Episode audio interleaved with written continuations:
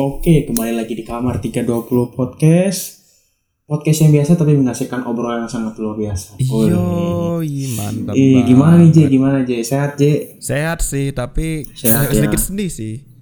Iya Soalnya sih, ya, kita nggak ada, iya, ditemani kita nggak ada partner satu- in crime kita, anjir. partner itu, partner lucu kita. Iya, tapi nggak apa-apa lah ya. Mungkin Hmm. buat penjelasan eh, Egi nggak ada di podcast eh, volume ini karena dia lagi sibuk ya, em, Iya, ya, betul. lagi Banyak ap- kerjaan sosial banyak ya. kerjaan sosial yang namanya apa sih? Jo. Aduh, lupa ya kerjaan sosialnya apa. Tapi nanti bisa dicek lah ya di Iya, kalau mau iya. bantu-bantu. Um, iya, iya. Jadi Oh, maafkan Oke, oke. Iya nih. J, kita hari ini mau ngomongin apa sih, J? mungkin suatu topik yang eh, nggak terlalu banyak diomongin tapi eh, menurut kita semua di sini eh, sangat penting ya karena ini Iya. bisa jadi dalam jangka panjang itu eh, sangat berpengaruh untuk kita semua dan kalau misalnya udah terlanjur buruk itu bakalan susah lagi untuk diperbaiki nanti pas Betul, pas betul, udah betul, dewasa betul. ya lebih baik dari sekarang lah ya Iya.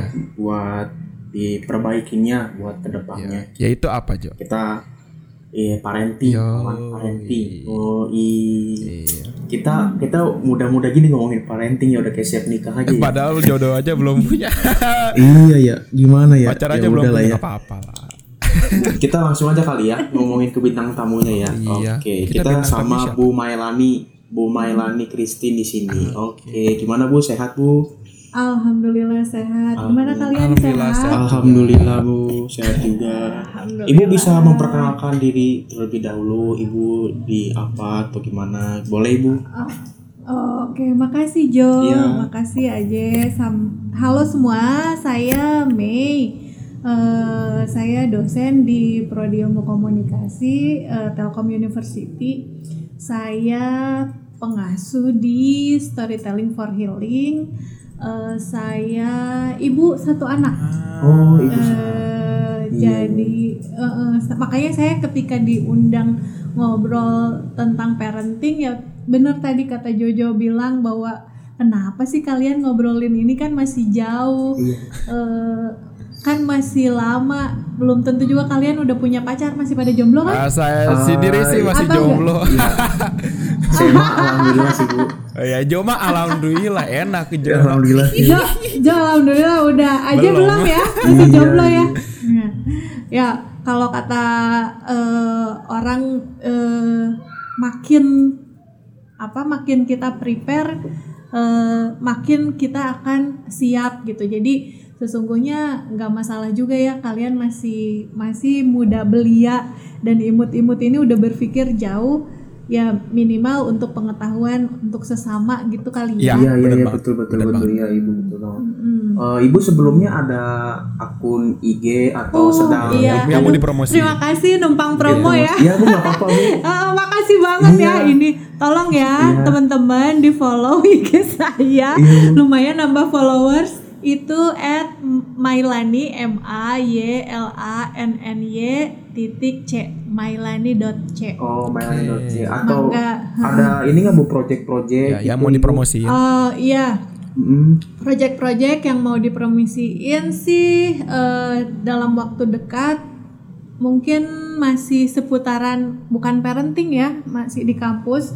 Itu ada acara gemastik buat teman-teman yang mau ikutan Eh, ini acara yang eh, ICT ICT-an gitu. Jadi penulisan karya ilmiah atau project. Nanti saya share ya Oh iya itunya iya. ya. Boleh boleh boleh Bu. Eh, tema-temanya eh, paling lambat sih sebenarnya tanggal 7 tapi tanggal 7 tuh cuman buat pendaftaran doang. Hmm. jadi nanti proposalnya masih lama kok. Jadi yang penting ngisi dulu eh, nama eh, anggota tim kayak gitu-gitunya dulu lah istilahnya nyimpen tempat aja dulu nanti Oh, proposalnya nanti lagi lah Ah, menyusul ya ya, ya Ya, betul betul heeh.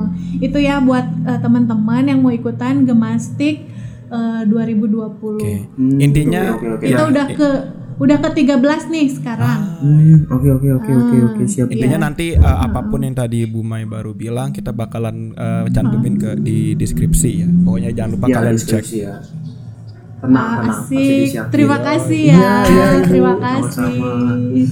Oke deh, kita langsung ya ke tema kita sekarang ini, gitu ya. Iya. Hmm, kita mau ngomongin apa sih itu parent- ah, parenting dari AJ dulu deh. J Eh, eh, pengetahuan tentang AJ apa sih Oke. parenting? Ah, sebenarnya kalau misalnya masalah parenting itu sendiri yang jelas pastilah ada kayak definisi secara eh, apa sih namanya? secara konkret General ya. enggak secara konkret itu sebenarnya pasti ada Oh, gitu oke, oke. dan tapi kalau misalnya aku sendiri sih kurang suka eh, nyebutin kayak gitu kayak menurut KBBI atau menurut apa itu kan itu kan agak terlalu formal gitu kalau misalnya kalau Iya, misalnya aku sendiri sih Betul, betul, nanggepin parenting itu eh, sebagai cara eh, orang tua em, mungkin eh, mengurus atau em, cara orang tua mendidik em, anak-anak mereka pa- pas masih mereka umur-umur di mana mereka masih kayak anak-anak itu mungkin dari umur mu- nggak dari balita sih mungkin dari kayak umur 3 pas atau pas TK sampai SD atau sampai SMP gitu. Dan itu cara mereka em, apa sih namanya em, mengurusi mereka itu namanya itu parenting itu sih sebenarnya Oh, secara singkat secara singkat singkatnya lah ya. Kalau dari aku sendiri sih parenting tuh kayak ya lebih kecilnya daripada aja kali ya. Cara mengasuh orang tua kayaknya. Cara mengasuh orang tua mungkin ya. Ah, ya. Eh, paling segitu. Kalau dari Bu Mai nih kita ada nggak yang salah salah, ya salah dalam atau, itu atau bagaimana gitu Bu? Oke. Eh, dari pendapat yang tadi aja bilang juga Jojo bilang itu nggak ada yang salah. Betul sekali parenting itu dari kata parent kan Iya. sesungguhnya orang tua. Peran orang tua ketika mengurus anak-anaknya dari dalam kandungan sesungguhnya karena dari dalam kandungan sesungguhnya anak-anak juga sudah sudah mulai bisa distimulus ya. Jadi eh, ada ada yang bisa dilakukan oleh calon orang tua gitu ketika mereka akan memiliki anak gitu. Kemudian ada juga eh, masa-masa setelahnya dari 0 sampai 5 tahun yang sering kita tahu apa coba? Ah iya Oh, iya iya Golden iya Age, ya ya ya. ya. Ya, itu 0 sampai 5 tahun golden age kemudian eh, ada eh, fase-fase yang mungkin kalau kalian ikut mata kuliah yang sudah saya kasih tuh Jojo ya dapat ya? PPDG Bu. Heeh, PPDG per- perkembangan diri dan grup, Grup, uh, iya, atau betul, kelompok. Nah di situ kan ada yang dikemukakannya dari fase oral, fase anal, kemudian ada lima fase di situ gitu. Oh, Nah di situlah uh, peran orang tua ketika mendidik anak gitu. hmm. Ibu mau tanya nih Bu kalau fase oral sama anal itu bisa dijelasin secara singkat nih sih Bu gitu. Jadi Oke. biar nggak salah Fa- kaprah. Iya, fase oral itu adalah ketika anak berusia 0 sampai eh, 2 tahun. Fase oral itu eh, ketika anak-anak mulai suka memasukkan apa ya eh, alat apa pun yang dia pegang, misalnya Ah, tang, iya. eh, apa pulpen, Mainan Bu. ya. tangan, mainan dia selalu ingin memasukkan ke mulutnya karena dia suka sekali mengeksplor sesungguhnya yang dilakukan oleh anak eh, ketika umurnya 0 sampai 2 tahun itu kan eh, fase-fase ini dikemukakan oleh eh, Freud sesungguhnya. Hmm. Tapi kalau dari psikologi sih sebenarnya ada beberapa aliran, nggak cuman fase 5 itu ya, fase yang eh, apa fase oral, anal dan lain sebagainya. Eh, ada delapan fase kalau menurut Erik Erikson. Kita akan bahas ini satu persatu Eh, atau Singkat aja sih, kayaknya singkat singkat aja. aja nih Bu. Ya, pokoknya eh, di di lima fase tersebut eh, fase pengembangan diri, fase ketika anak mulai percaya pada orang tua, ketika anak usia eh, 0 sampai 2 tahun kalau kita perhatikan ya, kalau ibunya pergi dia pasti nangis. Iya benar. Karena dia belum percaya pada siapa pun kan. Yang dia percaya hanya ibunya. Kenapa? Kenapa di fase oral ini anak-anak cenderung tidak mau ditinggalkan oleh ibunya karena eh, di fase oral ini dia masih mengeksplor dan tidak percaya pada siapa pun kecuali ibunya. Oh. Gitu. Pantesan saudara-saudara saudara-saudara saya yang kecil-kecil pada nangis ya kalau saya begendong Bu ya. Karena Iya. iya kan. Oh iya Ah, iya iya. betul betul. Iya. Ya fase pada fase-fase itu ya kalau kalau teman-teman bilang ih kenapa sama gue nangis? Apa gue nakutin? Ya belum tentu karena dia hanya percaya pada Iya. ibunya. Gitu. Itu di fase oral. Oh, mu- eh, mau Eh, nanya itu tuh bu. Mau oh. Ya sok J. Kalau misalnya kayak umur-umur kayak SMP atau yang setelah akil balik lah itu udah masih termasuk parenting atau atau udah beda lagi? Eh, ma- eh, sesungguhnya fase parenting itu dimulai sejak anak 0 sampai usia masa dewasa awal. Ah, Ya remaja, ma- remaja tuh maksudnya mana SMP atau SMA? eh, ya SMP lah, SMA lah. SMP SMA Ya, lah di sekitar itu gak sih kalau remaja itu? sekitaran situ Eh, kalau remaja itu sebetulnya parentingnya yang eh, sudah agak eh, tidak terlalu berpengaruh ya. Dia udah ma- mulai mencari bentuk dari lingkungan sesungguhnya.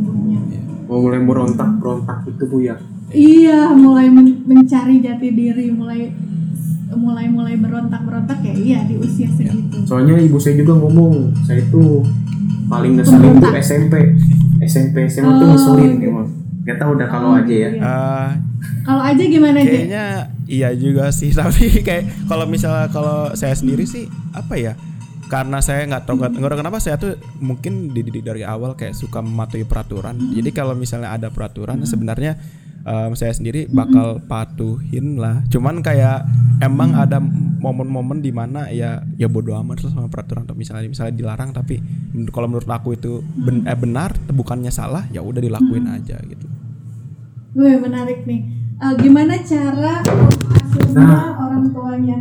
nah lo hati J tapi eh, kalau jadi kalau misalnya kalau eh, saya sendiri sih eh, merasa bersyukur karena kalau orang tua saya sendiri eh, nggak nggak nggak pernah terlalu strict sih dalam hal-hal kayak em, peraturan dan lain sebagainya. Jadi kayak em, mereka selalu kayak membiarkan eh, seringnya sih membiarkan kayak eh, saya sendiri melakukan, melakukan apa yang saya inginkan.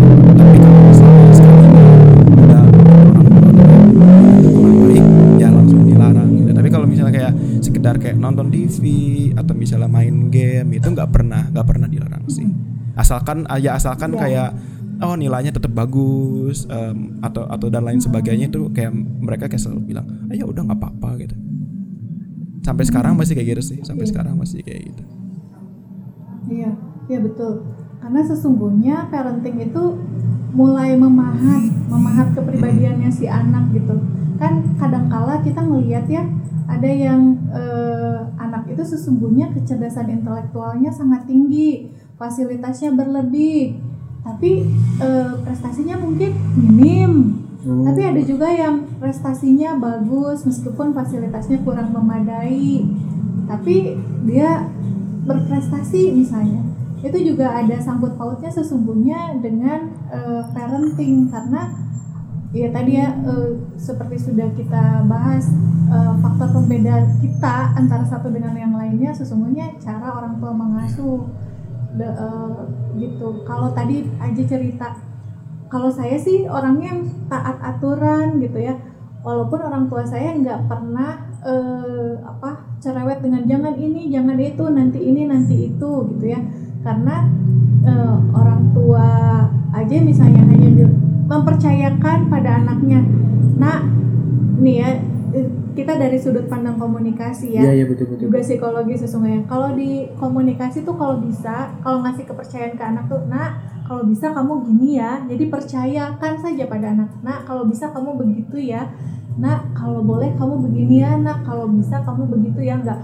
Nak kamu harus gitu. Nak kamu harus begini. Nak kamu jangan begitu. Nak kamu jangan begini. Nah itu sesungguhnya parenting dari sisi komunikasi itu sangat berpengaruh pada eh, kondisi anak. Jadi sebisa mungkin kita tuh percaya ya sama anak, tapi kita juga membuat eh, batasan yang jelas tentang perilaku yang boleh dan perilaku yang tidak boleh gitu. Ada saatnya kita eh, melarang dengan keras, ada saatnya kita memperbolehkan atau mempercayakan pada si anak.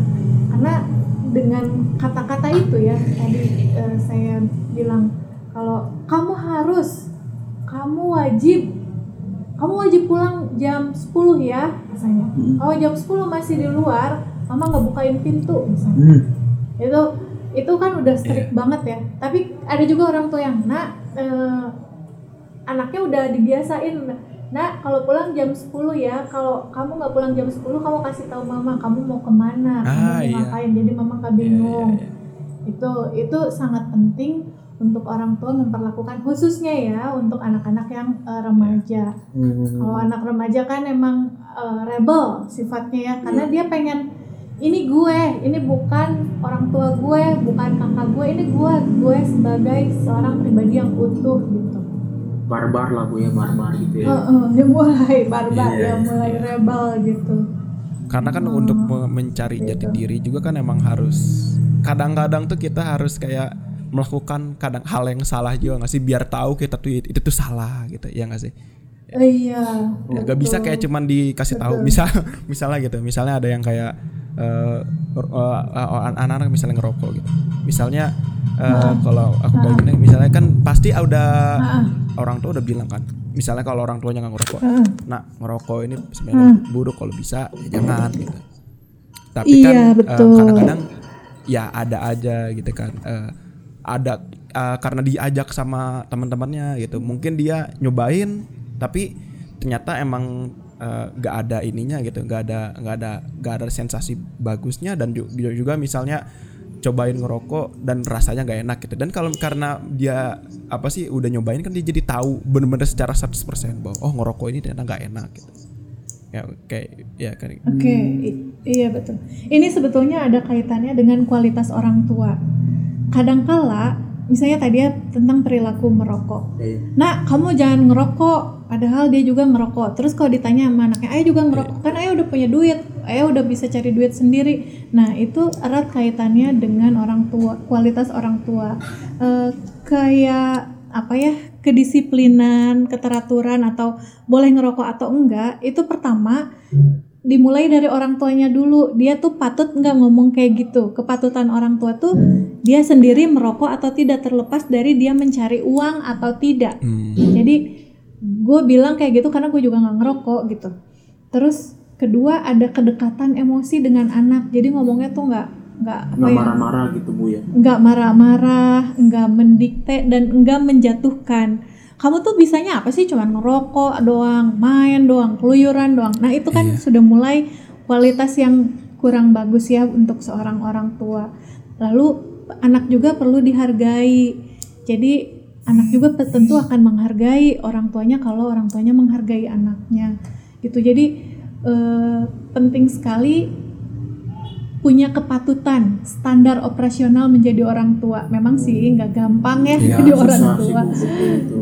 Eh, tapi kita bisa mengoptimalkan tumbuh kembang anak menghindari anak dari potensi perilaku menyimpang itu dari siapa dari orang tua di awal saya juga pernah cerita mungkin ya di kelas Iya. kenapa perilaku menyimpang itu hadir gitu mungkin saya nggak cerita lebih banyak ya di sini karena banyak hal-hal yang tidak perlu diceritakan tapi saya ingin sekali eh, apa ya membuka eh, apa pemikiran teman-teman di sini bahwa ketika kita membesarkan seorang anak itu perlu sekali pengetahuan-pengetahuan supaya kualitas kepatutan kita sebagai orang tua kelak itu eh, bagus gitu buat buat eh, kualitas anak.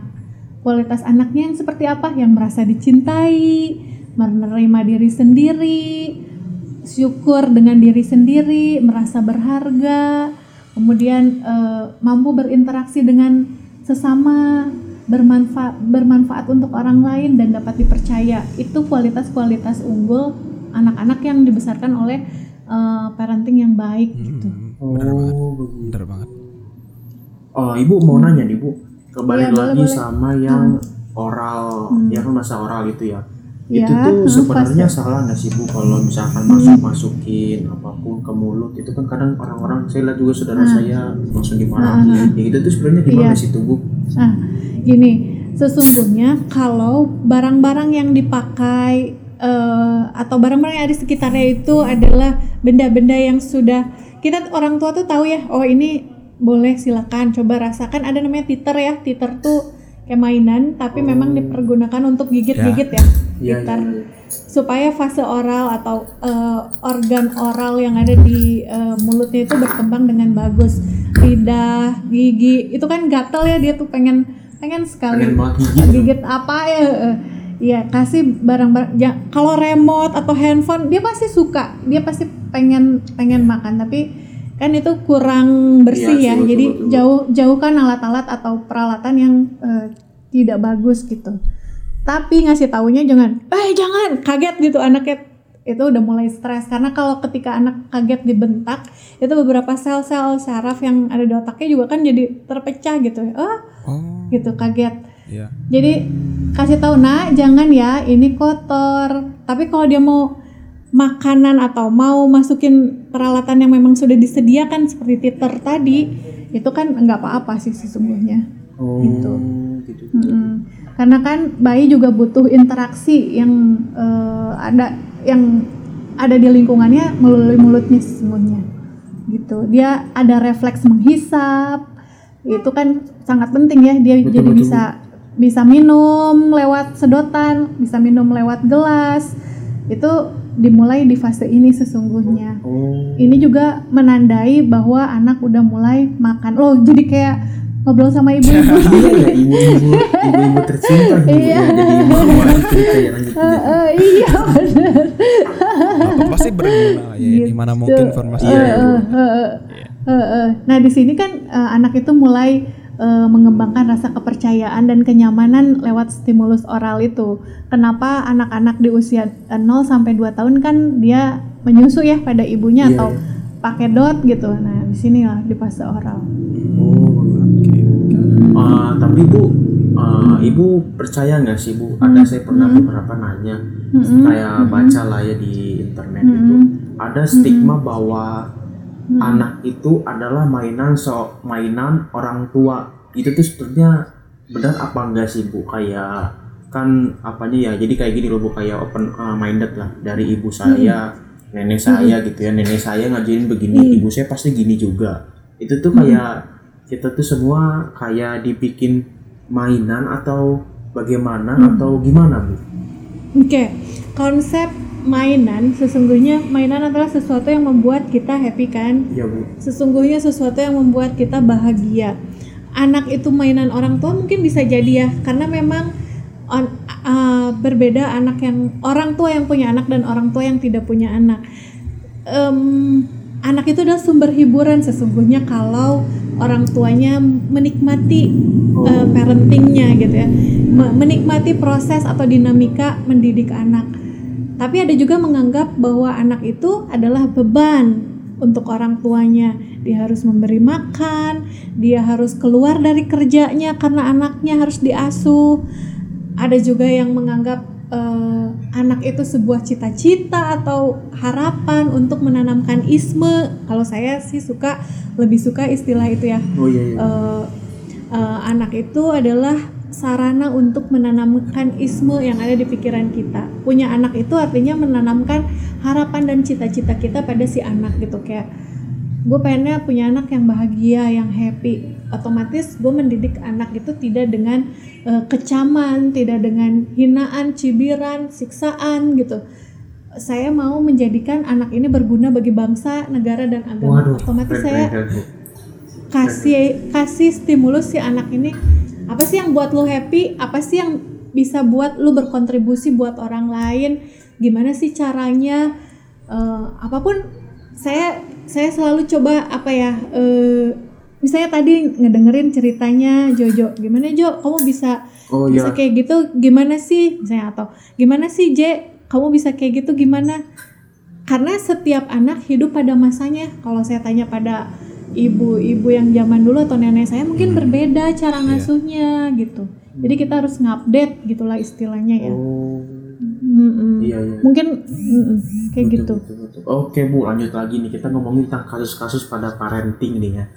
Mm-mm. Ah, dari Aji dulu deh. Tadi tuh Aji lagi ngomongin asik tuh ya. Aji Oh, itu iya. kasus-kasus parenting tuh apa aja sih Ji, yang tadi apa sih? Oke, gitu? jadi sebenarnya ini sedikit apa ya? Eh, coincidence lah ya. Eh, teman teman teman aku sendiri per- eh, pernah minta eh pengen ngetikin atau ngoreksiin esai. Nah ternyata kebetulan pas lagi baca esainya, wah ini ternyata tentang tiger parenting nih. Nah, aku nah aku penasaran tiger parenting itu sebenarnya apa? Gitu. Carilah dan ternyata em, jadi sebenarnya kalau misalnya eh, dari gaya pengasuhan itu ada yang sering disebut namanya pertama tiger parenting kedua elephant parenting. Nah ya, nah tiger parenting itu apa? Kalau tiger parenting itu itu cara em, orang tua mendidik em, anaknya atau mengasuh anaknya tapi dengan cara yang strict atau dengan ke- sesuai kemauan si orang tuanya. Um, jadi contoh misalnya uh, disuruh wajib uh, apa sih uh, sekolahnya wajib nilainya 90 atau apa atau atau enggak gimana gimana terus itu nggak boleh nonton TV dan konon biasanya juga uh, uh, apa ya misalnya su- suka juga si uh, orang tuanya untuk mencoba si anaknya untuk menjadi berbakat. Contoh misalnya em, kamu harus ikut eh, kamu harus les piano biar kamu bisa berbakat piano eh, apa sih atau musik yang lain dan atau harus wajib nyanyi dan sebagainya gitu. Nah, itu tiger parenting. Nah elephant parenting itu kalau misalnya eh, tadi aku sendiri baca-baca itu malah kebalikannya. Elephant parenting itu em, lebih ke buk- nggak strict. Jadi em, si orang tuanya tuh mencoba untuk membiarkan anaknya untuk senang tanpa menyuruh-nyuruh. Nah, eh, contoh contoh elephant parenting tuh kayak gimana ya? Misalnya eh, membolehkan eh, misalnya dia mau kayak gini atau mau main game, dia membolehkan itu. Eh, terus misalnya mau gini-gini, dia membolehkan gitu. Dan eh, nah, em, kalau misalnya dilihat sebenarnya kedua tipe parenting itu sebenarnya ada plus minusnya kan. Em, Betul. kalau- mungkin mau jelasin dulu sedikit tentang kalau tiger parenting itu plus minusnya apa. Tentunya kalau misalnya plusnya karena dipaksa dan karena kadang-kadang tuh emang mungkin ke- eh, sebagian besar orang yang nggak tahu ini benar atau salah. ya, Sebagian besar orang eh, yang mengalami tiger parenting itu emang bisa jadi karena saking dipaksanya itu jadi emang berhasil gitu dipaksa banget em, apa sih namanya untuk dapat nilai 90 dan karena dipaksa banget akhirnya jadi bisa gitu Mas Eh, apa sih namanya dapat nilai 90 dipaksa banget eh, main piano gitu. Tapi akhirnya jadi bisa karena emang dia dipaksa gitu. Jadi sisi positifnya ah, bakal ada hasilnya gitu loh dari tiger parenting dan hasilnya itu kelihatan. Nah tapi yang jelas eh, negatifnya kadang-kadang eh, anak-anak bisa jadi merasa tertekan. Bahkan mungkin terlalu tertekan untuk umurnya gitu kan. Eh, kok- nah efeknya tuh apa? Kan bisa jadi karena kalau kalau karena terlalu tertekan bisa jadi eh, anaknya nggak bahagia. Kalau anaknya nggak bahagia bisa jadi em, mungkin jadi jadi benci sama orang tua mungkin jadi banyak konflik. Kalau banyak konflik jadi benci terus habis itu eh, dia nggak bahagia bisa jadi ke depannya juga kan Pergi efek gitu. gitu ya, iya dan lain sebagainya kan. Itu efek buruknya Nah, kita lihat nih kalau kayak- kalau misalnya kita dengerin kayak hmm, berarti elephant parenting nih karena dia mungkin kebalikannya dari tiger parenting bakal jauh lebih bagus dong. Nah, aku kurang setuju nih. Karena elephant parenting juga ada plus minusnya. Plusnya tentunya anak-anaknya bakal bahagia karena kan inti dari elephant parenting itu si orang tuanya mencoba untuk selalu ada untuk si anaknya dan mencoba untuk bikin ba- anaknya bahagia dengan cara apa pun. Nah, em, plusnya itu itu plus besar emang. Tapi minusnya apa? Kadang-kadang kalau misalnya terlalu berlebihan bisa jadi anaknya manja. Dan kalau misalnya anaknya terlalu manja bisa jadi itu efek juga ke eh, apa sih jangka panjang. Karena contoh misalnya anaknya manja bisa jadi mereka terlalu nyaman sama orang tua bisa jadi terlalu mereka terlalu nyaman sama kondisi rumah. Kalau misalnya mereka terlalu nyaman dengan hal tersebut seperti itu gimana? Susah untuk bersosialisasi. Kalau susah untuk bersosialisasi gimana? Bisa jadi mereka dikit temannya. Dan kalau misalnya dikit temannya bisa jadi dikit koneksi. Terus habis itu dia sosialisasi susah juga. Kan itu kan bisa jadi dia apa ya terlalu bukannya terkucilkan tapi lebih ke ya hal lain hal seperti begitulah yang mirip-mirip seperti begitu. Nah, Nah, jadi itu Iya, kadang-kadang tuh kalau misalnya di pandangan aku sendiri tuh a- orang tua kadang-kadang tuh terlalu em, milih tiger parenting. Tapi di sisi lain juga kadang-kadang terlalu memilih elephant parenting tanpa kayak menganalisa atau mungkin eh, melihat dulu situasinya ini sebenarnya sebenarnya seba- kayak gimana. Dan itu efek dampaknya tuh ya bisa jadi malah bukan ya bukan eh, apa sih nih eh, plusnya yang muncul malah cuma negatifnya malah cuma minusnya doang. Nah dan itu kayak mungkin masalah utama sih menurut menurut aku sendiri kayak dari parenting itu.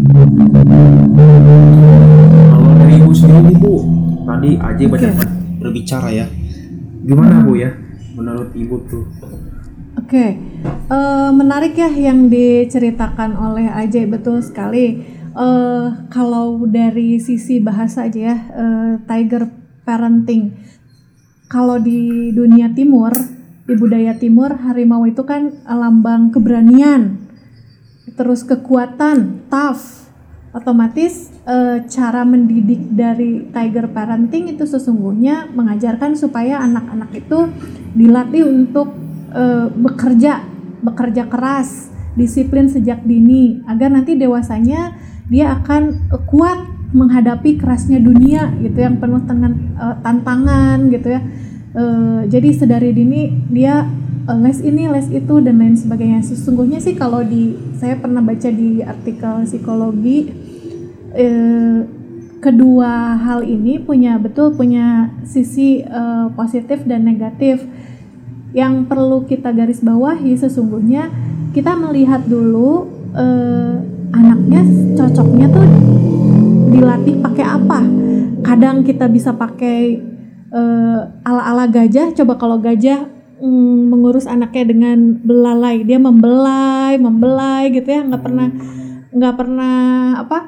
Nggak pernah nggak pernah nggak pernah nggak pernah nyakar. Beda dengan eh, dengan harimau tadi ya. Dia dia menggunakan taring ketika menggendong gitu Iya. iya kan kalau Iya, iya, betul, dia betul. menggunakan taring ketika menggendong di di sini juga di- dijelaskan bahwa saya, kalau nggak saya saya baca di Asian American Journal of Psychology di situ eh, orang-orang di suku-suku eh, di Asia, khususnya Asia Tenggara seperti Cina, Korea, mereka lebih Tiger. suka menggunakan eh, Iya. tiger parenting.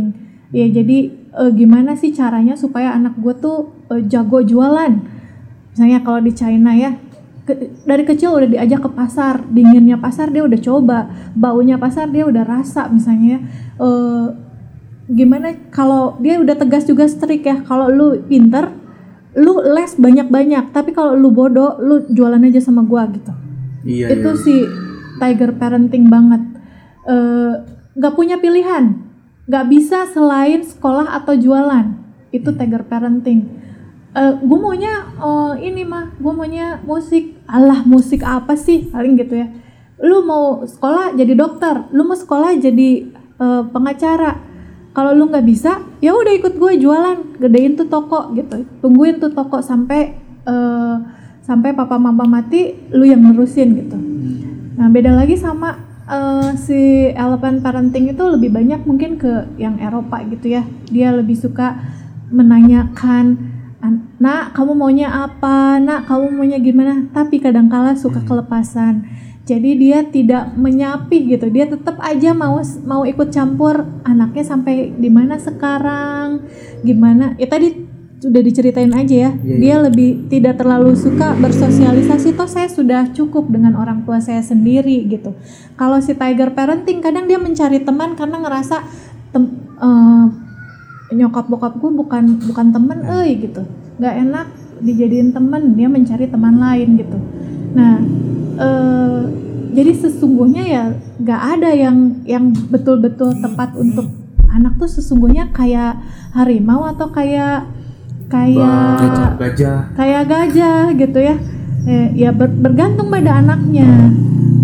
Jadi saat mana harus pakai gajah saat mana harus pakai harimau gitu. Gitu. Tapi saya Dan- oh iya, tapi saya juga Iya. Buya agak sedikit cerita nih. Saya juga salah satu dari tiger itu. Tiger Mm-mm, parents itu. Mm-mm, mm-mm. sama kok persis banget yang Aceh sama Bu Pai bilang juga itu persis banget di saya. Mm-mm. Eh, cuman saya jadi yang kesannya gimana ya? Emang sih Bu eh, saya malah justru bukan dikasih les atau gimana kayak pada umumnya enggak ya? Justru saya tuh di kayak di baratnya saya berenang di Bu. Saya belum bisa berenang udah sih dicemplungin aja gitu. Mm-mm, mm-mm. Mm-mm. jadi ke- kasarnya gitu jadi berarti saya tuh kayak ya secara nggak langsung emang bagusnya saya lebih kayak mandiri sih bu lebih sama ngapa-ngapain juga ke mana-mana juga sendiri gitu. Cuman masalahnya tuh kesepiannya itunya aja sih bu ngerasain Hah? itu ngerasa apa ngerasa kesepian oh Hmm. oke soalnya Hmm. eh, ibu bapak saya kan bapak saya apalagi tentara kan terus ibu saya juga sering ke Jakarta kadang berdua itu Jakarta gitu kan ya terus saya paling kecil gitu ya saya kadang suka bingung makanya saya kadang suka ngerecok bu gitu Hmm. itu sih karena mungkin satu sisi jadi mikir tadi ngomongin kayak Hmm. saya pengen dilihat juga gitu kasarnya Mm-mm. gitu Hmm. itu sih Bu. Oke, oke.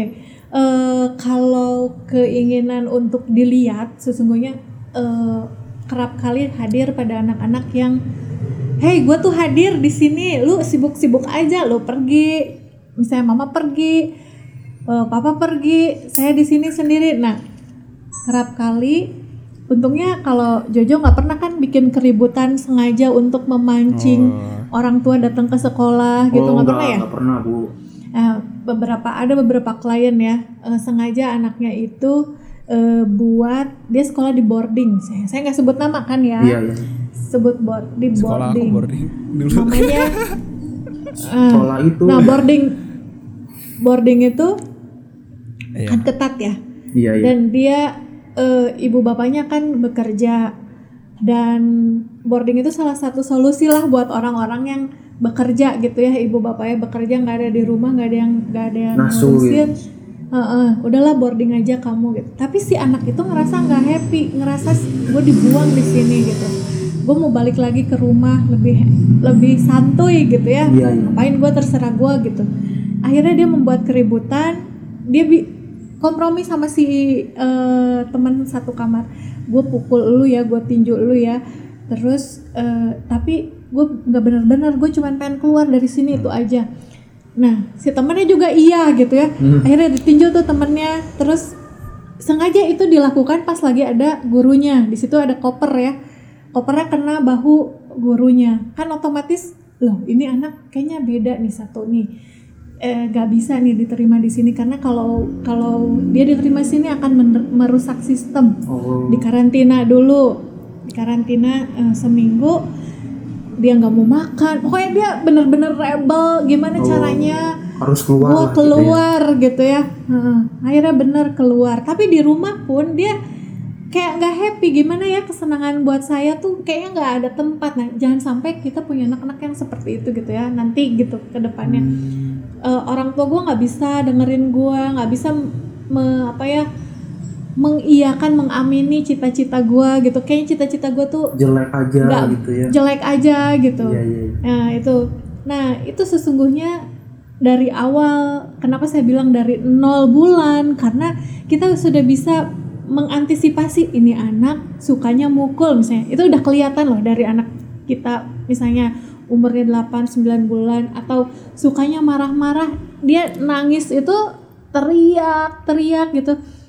Eh dan orang tuanya mendengar ketika si anak itu nangis. Nah itu itu salah satu trik anak yang untuk bertahan kan sesungguhnya.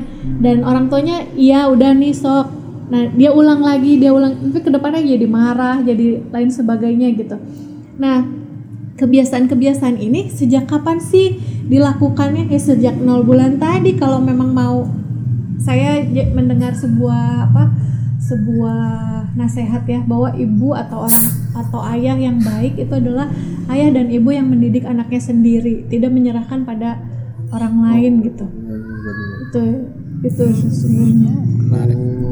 Dia emang, emang kayak gitu sih bu. Tapi ya satu sisi saya jadi mandiri sih bu. Apa apa sendiri sih. Jadi kayak ya kalau kebiasaannya tuh kalau ya mungkin aja juga ngerasain juga saya apa apa tuh kalau lagi sesuatu hal pasti kayak kalau saya masih bisa ya kenapa enggak gitu. Soalnya saya dulu tuh selalu dipacu kayak masa kamu begini aja harus saya lagi yang turun gitu. Orang tua saya gitu. ah kalau menurut menurutmu gimana ketika dibilang masa kayak gini aja harus saya yang turun Masalahnya saya itu orangnya seneng ditantang bu. Hmm. Saya itu orang yang paling seneng ditantang. Gak tahu kenapa mungkin saya logisnya apa gimana sih kurang tahu ya. Jadi kalau ditantang kayak gitu makin, Makin saya makin nunjukin nunjukin kebenaran saya gitu. Kalau saya benar-benar serius gitu sih bu. berarti cocok ya pola pengasuhan tiger parenting Iya. untuk Jojo Iya jujur sih cocok sih bu. Cuman kadang agak kadang suka kesepian. Kadang kalau mau curhat juga bingung mesti ke mana gitu sih bu. Nah, Jadi saya lebih kalau aktivitas tuh lebih sukanya di luar daripada di rumah. Gitu. cocok dengan tiger parenting sih sesungguhnya. Ya dia mencari orang lain ya untuk curhat. Kalau aja gimana? Kalau aja itu ya eh, tipikalnya sebenarnya eh, parenting. kalau aku sendiri me- merasa emang secara keseluruhan tuh kalau orang tua aku sendiri eh, apa sih nih melakukan elephant parenting cuman Hmm. em, tapi kayak tapi bukan se- se- bukan sepenuhnya elephant parenting gitu loh. elephant ya ya, ya. Hmm. tapi emang emang se- apa sih secara general sih kayaknya elephant parenting sih. Mhm. Mhm. Nah kalau elephant parenting tuh rata-rata anaknya tuh enggak komplain dengan pola pengasuhan orang tuanya. Rata-rata mereka oh oke gue fine kok dengan nyokap bokap gue mereka oke kok gitu. Eh kadangkala suka tersirat ya udah sih gue nggak ngoyo gitu. Kalau si elephant ya udah sih eh emang takdirnya bukan begitu kali gitu. Jadi nggak akan nggak akan eh, ber aduh ini Pak Jeffrey nelfon bentar ya iya iya iya bu apa-apa bu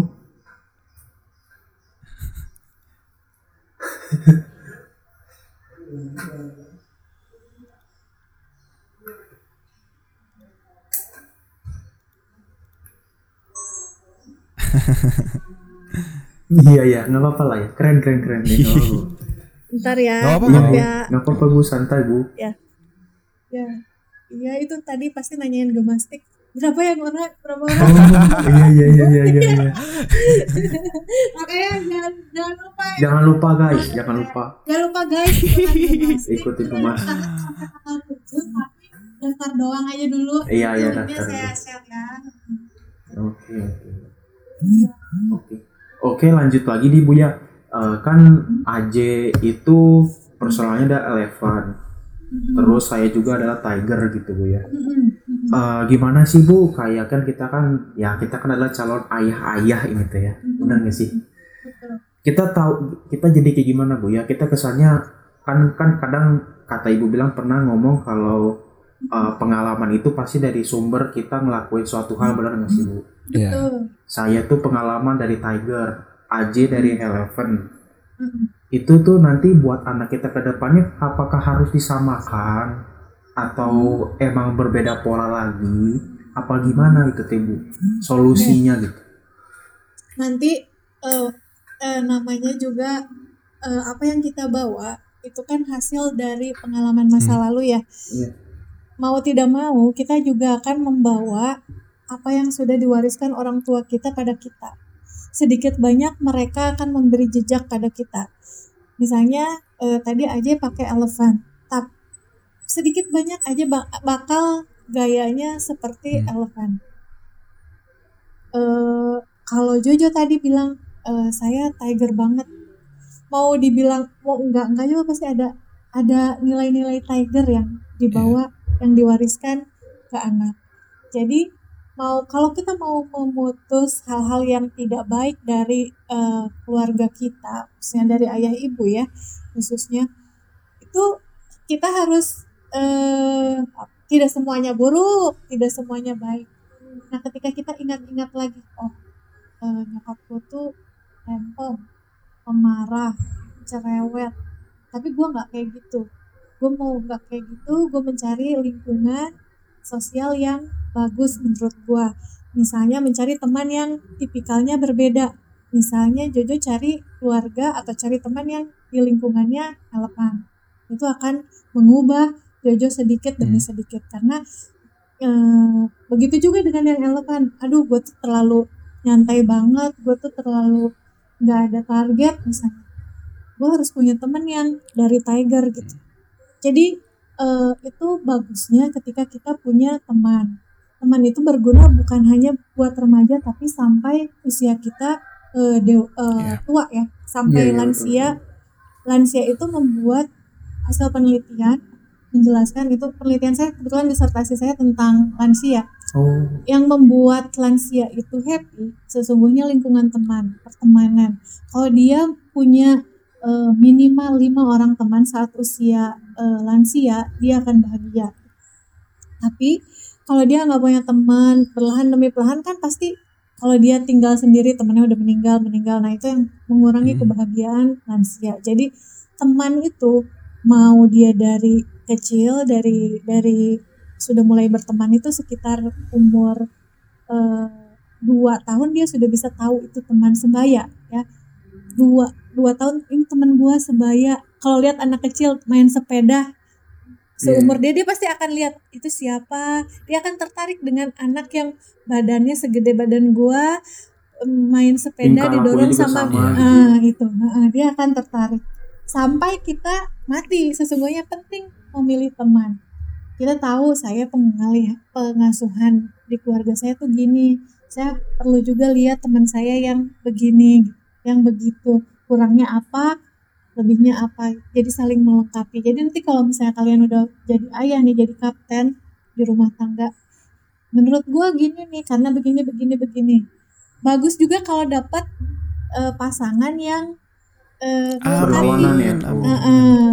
Amin. Ya kamu dari eh, berarti nanti aja cari yang dari tiger Jo, ca- terus Jo cari cari yang dari elephant Eh, eh. Relevan ya. jadi saling melem- melengkapi jadi nggak nggak kalau kata orang Sunda nggak kekeh patekeh yang ini Oh. keras yang itu keras yang ini lem- lembek yang itu lembek jadi sangat lembek gitu atau sangat keras gitu Hmm. jadi kalau combine kan jadi Iya. bagus Setuju. Tapi Bu ya eh, mau nanya lagi nih Bu, kalau misalkan di combine gitu ya antara saya Tiger nanti istrinya juga Eleven gitu ya, itu tuh nanti jadi kayak berantem gak sih Bu? Kan ibaratnya kan minded gue begini, mindednya gitu.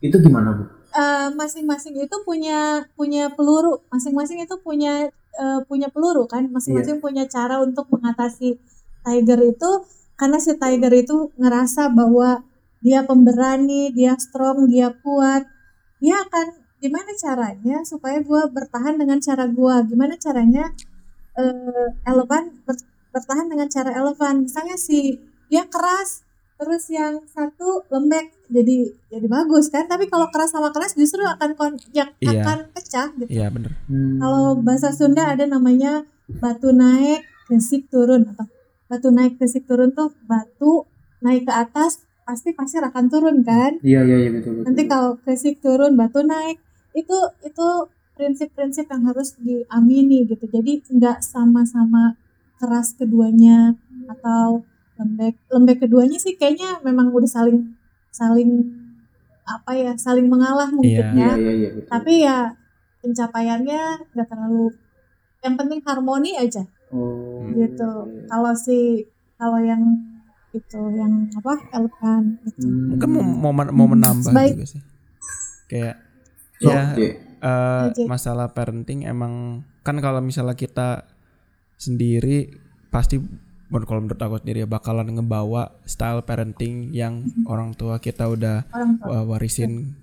Nah, tapi em, emang kadang-kadang kan kalau misalnya murninya seperti begitu gak, ba- gak baik kan. Kadang-kadang itu gak baik. Dan kalau misalnya emang pasangannya bisa yang seba- kebalikan dari kita kan emang bisa juga kayak kita jadi ngebalance gitu loh. Misalnya oh ternyata anak kita cocok em, em, tiger parenting misalnya. Em, ya kita jadi bisa mengaplikasikan tiger parenting. Tapi yang kita lihat juga pas Jo Jo eh, cerita yang tadi Jo udah ceritain itu ternyata Jo juga ada komplain sedikit meskipun kayak dia merasa dia tuh cocok sama tiger parenting.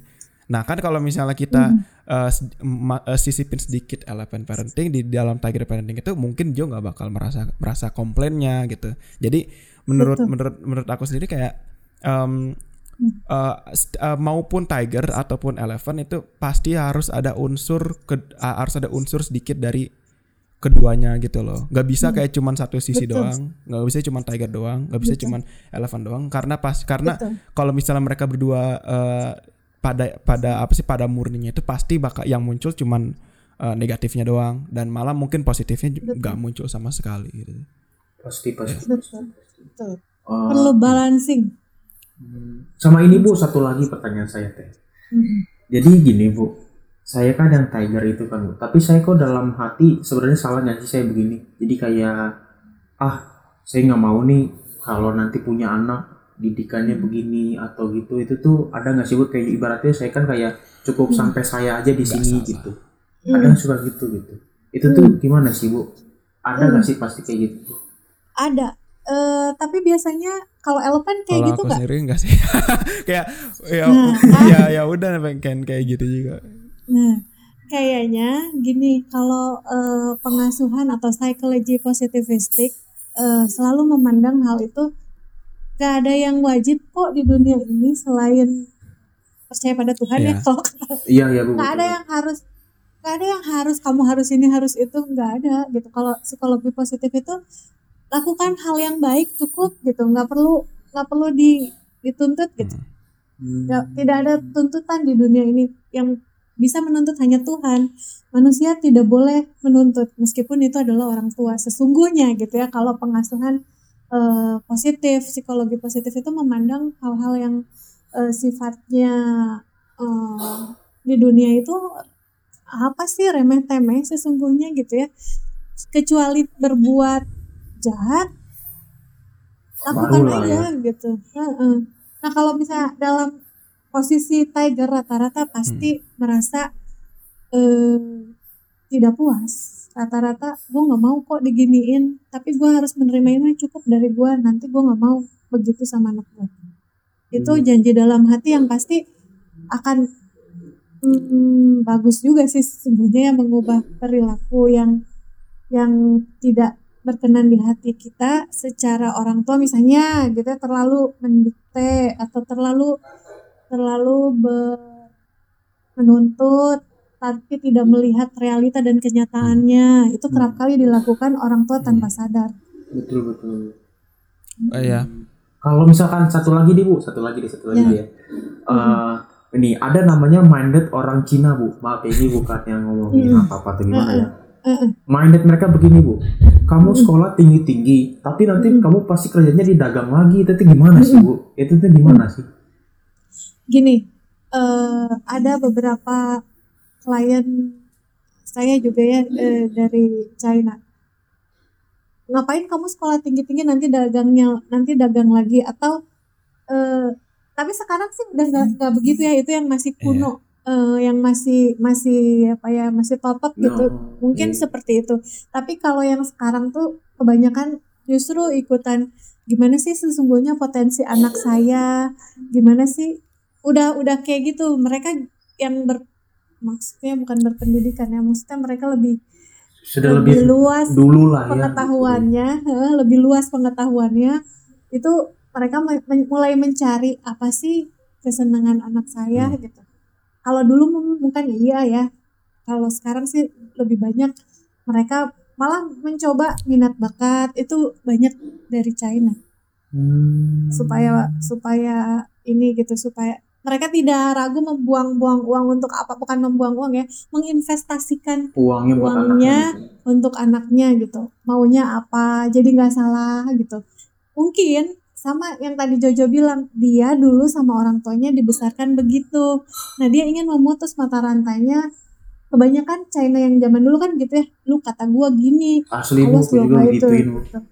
iya nanti Iya. kalau kalau udah digituin terus si anaknya udah udah mikir gue nggak mau kayak gitu nah dia udah mulai mencari anak gue tuh maunya apa gue nggak mau gue nggak mau eh, ngedikte gitu sih. Hmm, iya iya iya iya. Sama satu lagi deh Bu nih ada satu lagi. banyak banget nih pertanyaannya. Iya iya, banyak banget ya. Apa-apa? Rasa rasa rasa kesal. Pokoknya eh, gini Bu. Eh, ini buat orang-orang lain kan ya. Jadi itu dulu tuh punya kakak saya lah Bu ya. Kakak saya itu cewek eh, yang kedua. Cerita sedikit dia itu anak DKV Bu dulu waktu masih kuliah. DKV-nya Telkom juga Bu. Mm-mm. eh, dia itu merasa gimana bu ya tertekan gitu sama orang tua saya gitu ya dia karena Karena? nggak kuat Eh, karena gini bu eh, dia tuh ngiranya kayak misalkan ya ibu tahu sendiri kan jadi kakak itu kayak selalu malam terus tidurnya kan tahu sendiri Oh, di kafe iya, tuh iya, iya, bagaimana iya, iya. gitu ya. Eh, kami kan di sini bu. A A B B Hmm. C. C jangan sampai Z. Gitu bu. Nah itu tuh jadi kayak dia gitu. Terus eh, kakak saya sempat lah jadi kayak stres gitu, gitu, stres gitu dan dia diusulkan sama dokter kita. Kita ada dokter sekeluarga tuh ada buat ke psikolog bu. Sebenarnya salah nggak sih bu? Atau kan kadang stigma seorang orang tua tuh kalau misalkan ditaruh psikologi wah anak gue udah gila gitu atau gimana? Itu sebenarnya baik apa enggak sih bu? Kayak misalkan baik kita ke baik psikologi baik gitu. banget tenang Ji, tenang Ji. Gak pernah salah gitu kayak gitu. Nggak pernah salah. Hmm, Benar. Jadi kalau boleh ya, kalau boleh, saya nggak bilang harus juga ya. Kalau boleh, berikan segala sesuatu itu pada ahlinya. Kita jangan sampai apa ya sok tahu gitu. Eh jangan atau eh kebanyakan sih memang mindset orang tentang eh, psikologi itu pikirannya adalah gila kan bu stres, gila, terus yang paling parah sih mungkin gila ya, tapi stres itu ah itu anak orang stres gitu. Anak saya sih nggak mungkin banyak denial. Tapi sesungguhnya kalau kita mengabaikan itu, padahal kan sudah di sudah direferensikan ya, terus kita abaikan itu kebutuhan kebutuhan orang itu tuh udah udah kalau udah di udah di apa disarankan ada yang harus di ada luka gitu ya di dalam hatinya di dalam jiwanya dan harus disembuhkan gitu dan itu butuh orang yang Iya. ahli bukan yang eh, siapa aja bisa gitu. Hmm, itu kalau kalau psikologi kan udah belajar itu dari eh, S1 kemudian S2 juga profesi sudah teruji gitu. Sudah melakukan berbagai macam penelitian kemudian workshop kemudian eh, percobaan Iya. itu sudah diuji. Tapi kalau misalnya orang tua bilang udahlah gue juga bisa nah ngobatin iya itu soalnya kan orang tuanya Ya, gitu. itu, iya. Nah, Anak, saya kan pasti orang begitu. tuanya anak, tapi kan ada hal-hal yang eh, Iya. tidak diketahui oleh orang tua. Saya harusnya ngapain ke anak yang seperti ini? Karena dia sudah bias tiap hari ketemu sama anaknya, udah nggak ngerti lagi yang mana yang yang mana nih salah, yang mana nih yang benar. Apa sih perubahan perilaku anak saya yang harus diwaspadai? Yang mana sih yang enggak? Sementara anaknya udah berlarut-larut dalam Hmm. kesedihan dan kekecewaan gitu Iya. Hmm. dan gak ada yang menga- mengangkat dia untuk nih lu tuh sebenarnya gini. Jadi psikolog itu sesungguhnya menunjukkan jalan aja. Jadi kamu kenapa ini jalan yang bisa kamu pilih jalan A jalan B. Tapi kan orang yang gak ngerti tuh nggak bisa. Iya. jalannya yang mana? Ada seribu satu jalan yang harus kamu tempuh. Dia akan bingung gitu. Tapi kalau psikolog tuh berdasarkan tes berdasarkan eh, apa? Berdasarkan hal-hal yang di- digambarkan sama si klien dia bisa me- mendapatkan gambaran ini jalanmu ada tiga jalan kamu pilih yang mana? Kalau yang sini maka jalanmu begini yang sini jalanmu begini. Tapi kalau dia berlarut-larut dalam kesedihan kecemasan ketakutan dia tidak akan Iya. ke mana-mana. Dia akan terus di dalam jalan yang gelap itu. Maksudnya di hutan misalnya ya, dia nggak bergerak ke kanan ke kiri dia di situ terus dalam ketakutannya. Bener banget. Bener Gitu banget. loh. bener banget.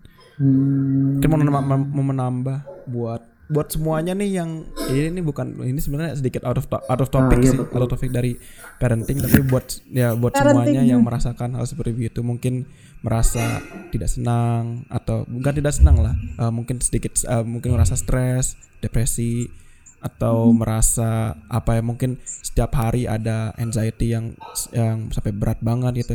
Jangan ma- jangan menganggap itu tuh remeh. Karena itu kayak hal seperti begitu tuh sangat berat. Dan emang kalau misal kalian perlu bantuan please cari bantuan. Karena em, apa ya emang ngadep kayak gitu berat. Eh, eh, kalau aku sendiri pernah melihat orang mencoba untuk kayak menghadapi kayak gitu ngelihat orang misal dari internet juga pernah dari live juga pernah dan itu emang berat banget. Jadi kayak please please Betul. please jangan menganggap hal itu remeh. Dan mungkin untuk orang tua juga jangan menganggap itu tuh remeh gitu karena Iya. itu berat semua berat banget itu pasti. Dan ya mungkin biar lebih terbuka aja sih pikirannya. Mungkin nge-reconsider lagi gitu kayak em, seberapa eh, apa sih kadang-kadang tuh soalnya kayak hal seperti begitu kan urgent ya karena kalau misalnya nggak di nggak ditangani bisa jadi itu berdampak sangat buruk gitu betul Ya. Betul, Dan betul. itu makanya Makanya buat yang orang-orang luar juga jangan stigmanya orang tuh mau ke psikolog itu kayak Iya. orang gila gitu ya atau stres Betul. gitu ya. bener banget. betul Udahlah itu Itu mah pikiran kita pikiran pikiran ya, kita iya. support itu mah pikiran orang bukannya nggak mau bilang bodoh sih tapi kalau misalnya orang orang ke psikolog itu di- di- dipikir itu orangnya itu gila itu udah pikiran masa lampau dan itu menurut aku sendiri itu udah pikiran bodoh itu jangan jangan mikirin kayak gitu lagi itu kayak it- karena Iya, jangan jangan sampai. sampai pokoknya. lah Nah, eh, kalau kita kaitkan dengan parenting, pengetahuan kalian sejak awal ini ya, eh, Jojo dan Aje, ini tuh bekal kalian juga untuk memutus mata rantai itu. Dengan pola asuh apa pun, kalian tahu, oh, pola asuh orang tua gue tuh salah.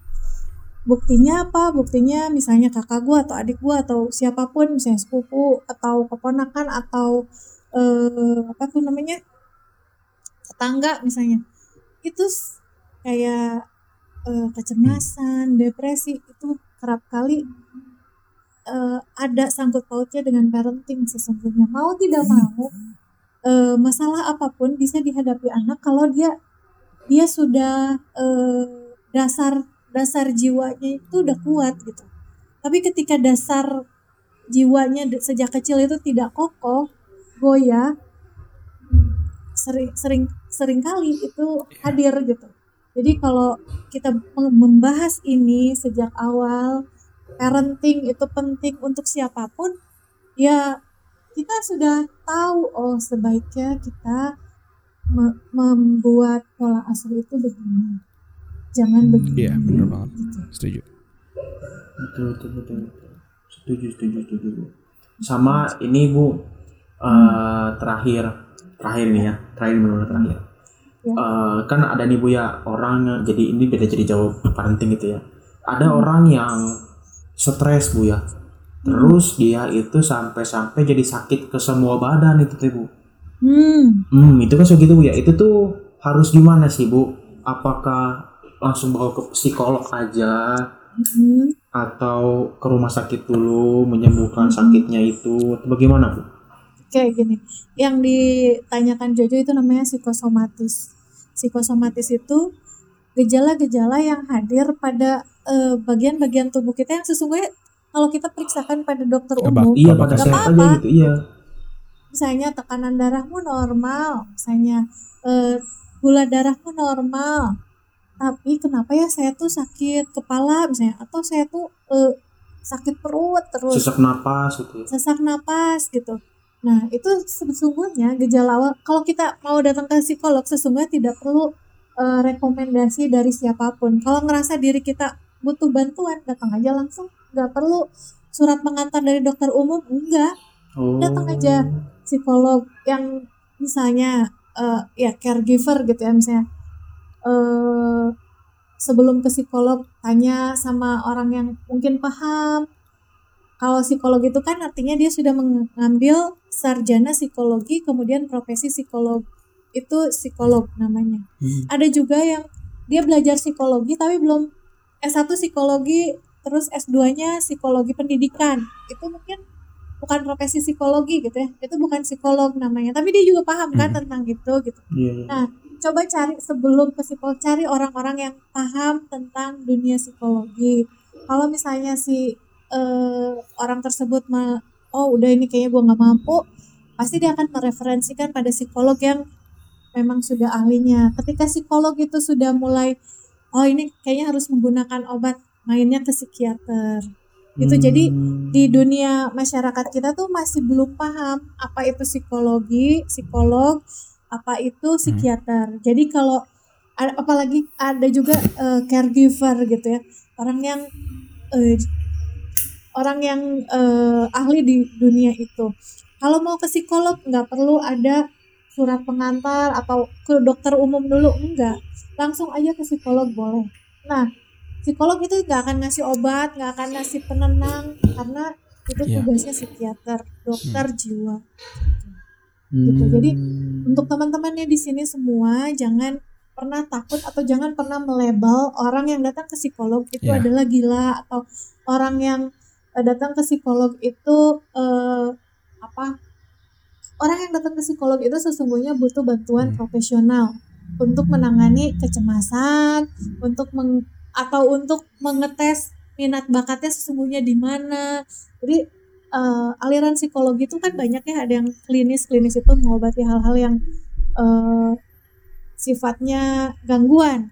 Tapi ada juga yang memproyeksi ini bagusnya ke mana ya saya gitu ke komunikasi atau ke DKV atau ke teknik dengan potensi saya yang sudah saya punya gitu itu bisa juga ke Ah, psikolog bener banget.